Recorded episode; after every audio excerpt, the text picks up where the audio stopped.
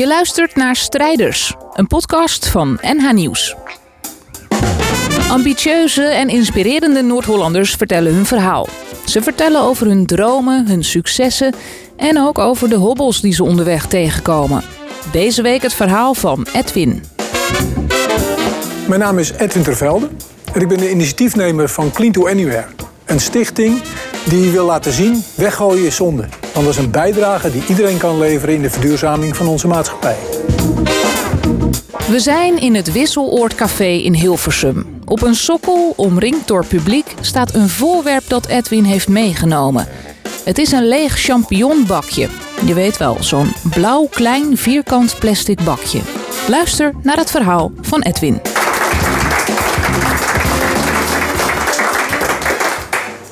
Hoi, mijn naam is Edwin Tervelde van Clean to Anywhere. Het is een stichting die projecten realiseert om anderen te inspireren. En om te laten ontdekken dat weggooien zonde is. Ik heb daarvoor iets moois meegenomen. Het lijkt afvalplastic, maar dat is het helemaal niet. Het begon bij ons thuis. We waren aan het koken, champignons werden gesneden en dit stukje materiaal werd weggegooid. En ik had opeens het idee, ik moet het terugpakken. En dat deed ik ook. En daar stond ik dan. Ik had het in mijn handen. En de eerste vraag die we naar elkaar hadden was: waarom gooien we dit weg? Ja, omdat het afval is. Omdat het waardeloos is. Wat moet je ermee? Maar goed, het vreemde is. Ik ben iemand die graag naar een circulaire maatschappij toe wil werken. Die graag in harmonie met de natuur wil leven. En opeens zag ik heel helder: ik lever elke dag een contributie aan een groot werelds probleem. Afval is een van onze grootste mondiale problemen op dit moment. Oceanen vol. Dat is toch vreemd? En ja, als je toch beter naar dat materiaal kijkt, dan kom je er eigenlijk achter, er is geen molecuul in het materiaal veranderd. Waarom noemen we dit opeens afval? Dat moet toch in ons hoofd zitten? En op dat moment besloten we thuis om het anders te gaan doen. Radicaal anders. 180 graden anders dan dat we eerder deden. Wij willen geen afval meer genereren. En dat is, ja, dat is een heel avontuur geworden. Maar binnen een week of twee ontstond er zoveel energie thuis. Lang niet alles ging goed, maar veel dingen wel. Dat ik zoiets had van, ik wil nog meer. Ik wil meer gaan doen. En toen kwam er een nieuw knotsgek idee. Laat ik er een wagen van printen. Laat ik een wagen maken die ik op zonne-energie laat voortbewegen. En dat kon niet. Ik werd uitgelachen. Ik werd niet serieus genomen, maar toch lukte het ons. Maar no guts, no story. Wat moet je als je zo'n wagentje hebt gemaakt? Nou, laten we naar Antarctica gaan. Laten we naar het meest extreme continent ter wereld gaan. En hier staan we nu. Ik heb die deze reis samen met mijn vrouw gemaakt, Lisbeth.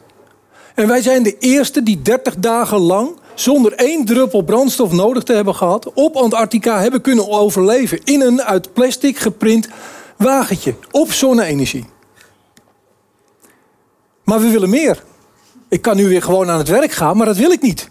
Want deze maatschappij heeft meer inspiratie nodig. Meer voorbeelden wat je allemaal zou kunnen doen. Meer experimenten. Kan het nog extremer? En het eerste wat in mij opkwam was: zou je de geschiedenis kunnen omdenken? Geschiedenis is verleden tijd, denken we. Maar kan het ook toekomst worden? En als eerste kwam er een periode in mij op waarin wij onze huidige economie hebben opgebouwd.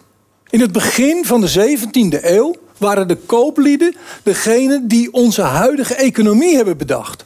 Aandelenhandel, mondiale handel. En de eerste, eh, de eerste multinational is ontwikkeld op dat moment, de VOC. In die periode was er een koopman, Jan Pieterszoon, die Liorne werd genoemd. En die bedacht iets. Die bedacht een schip, het fluitschip. En dat was een heel bijzonder schip. Het was een gelovig man. Hij las in de Bijbel en zag dat de ark van Noach hele andere verhoudingen had dan de schepen die op dat moment werden gebouwd voor die kooplieden. En hij dacht, ik ga een schip bouwen met de verhoudingen van de ark van Noach. En hij werd uitgelachen. Hij werd niet serieus genomen. En vanuit de hele uh, republiek, Nederland en ver daarbuiten, kwam men naar zijn schip kijken. Eigenlijk voor het vermaak en hem om uit te lachen. Maar hij ging door. Het schip ging te water en bleek vanaf het eerste moment een waanzinnig groot succes te zijn. Zo'n groot succes dat gedurende de Gouden Eeuw, die 100 jaar dat de VOC heeft bestaan, het overgrotendeel van de vloot werd uitgevoerd als fluitschip. Wat zou er gebeuren als we dat schip opnieuw gaan bouwen? Dat schip wat als object de Gouden Eeuw heeft mogelijk gemaakt. Als we dat nou eens opnieuw gaan doen. Op een 17e eeuwse bouwwijze. Maar niet van eikenhout, maar van afvalplastic. En we worden uitgelachen. Het is veel te groot. Het wordt een schip van meer dan 40 meter lang. 350 ton. Gigantisch groot. En van afvalplastic, dat gaat je niet lukken. Want halverwege de bouw zakt dat ding op zijn eigen gewicht al in elkaar. Dus we moeten innovaties tot stand brengen. We moeten iets gaan verzinnen waardoor we dit schip kunnen gaan bouwen. En zo zien we dat we met dit historische schip, met die oude bouwwijze, onze regelrechte toekomst inwerken. Want als we het schip kunnen bouwen, hebben we materiaal voor bouw, infra en industrie. En we lossen een heel groot werelds probleem op. Want opeens heeft afval een enorme hoge toegevoegde waarde gekregen. En dat is wat we doen. En dat schip, dat werd ontwikkeld door die Lionne, die woonde in Horen. En op dit moment zijn we in Horen bezig om de werf in te richten. Om dat schip daar te gaan bouwen. Alleen we hebben die innovatie niet, nog niet tot stand gebracht.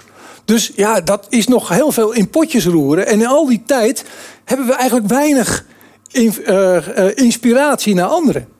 Dus hebben we bedacht, we gaan eerst een kleine werkboot bouwen. Dat waren de scheepjes die gebruikt werden om die grote schepen aan de andere kant van de wereld te kunnen laden en lossen. Want je komt niet aan in een aangeplaveide haven, je komt langs een kust.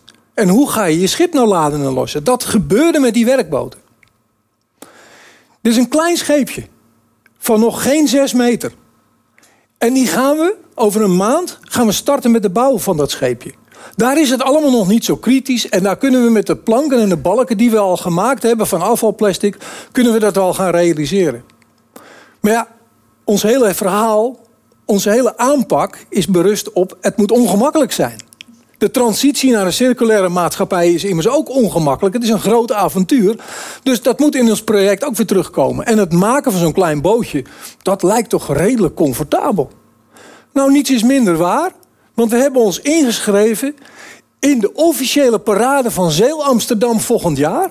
Het kleinste bootje met de grootste impact. En daarna gaan we verder. We gaan steeds groter bouwen en groter. En over vier jaar gaan we starten met de bouw van het fluitschip. Over tien jaar zal hij klaar zijn. Het zal een schip zijn wat te water gaat, wat voldoet aan scheepsbouwkundige standaarden en waarmee we ook daadwerkelijk naar Batavia toe gaan varen. Voor de handel. We bouwen hem niet als een tuinkabouter om te laten zien dat je met plastic wel leuke dingen kan doen. We maken er een serieus object van waar we de wereldzeeën mee gaan rondvaren. En dit is waarom wij dit experiment starten. Het is om iedereen te laten ontdekken. Weggooi je zonde, want je kunt er zoveel mooie dingen mee doen. Dankjewel.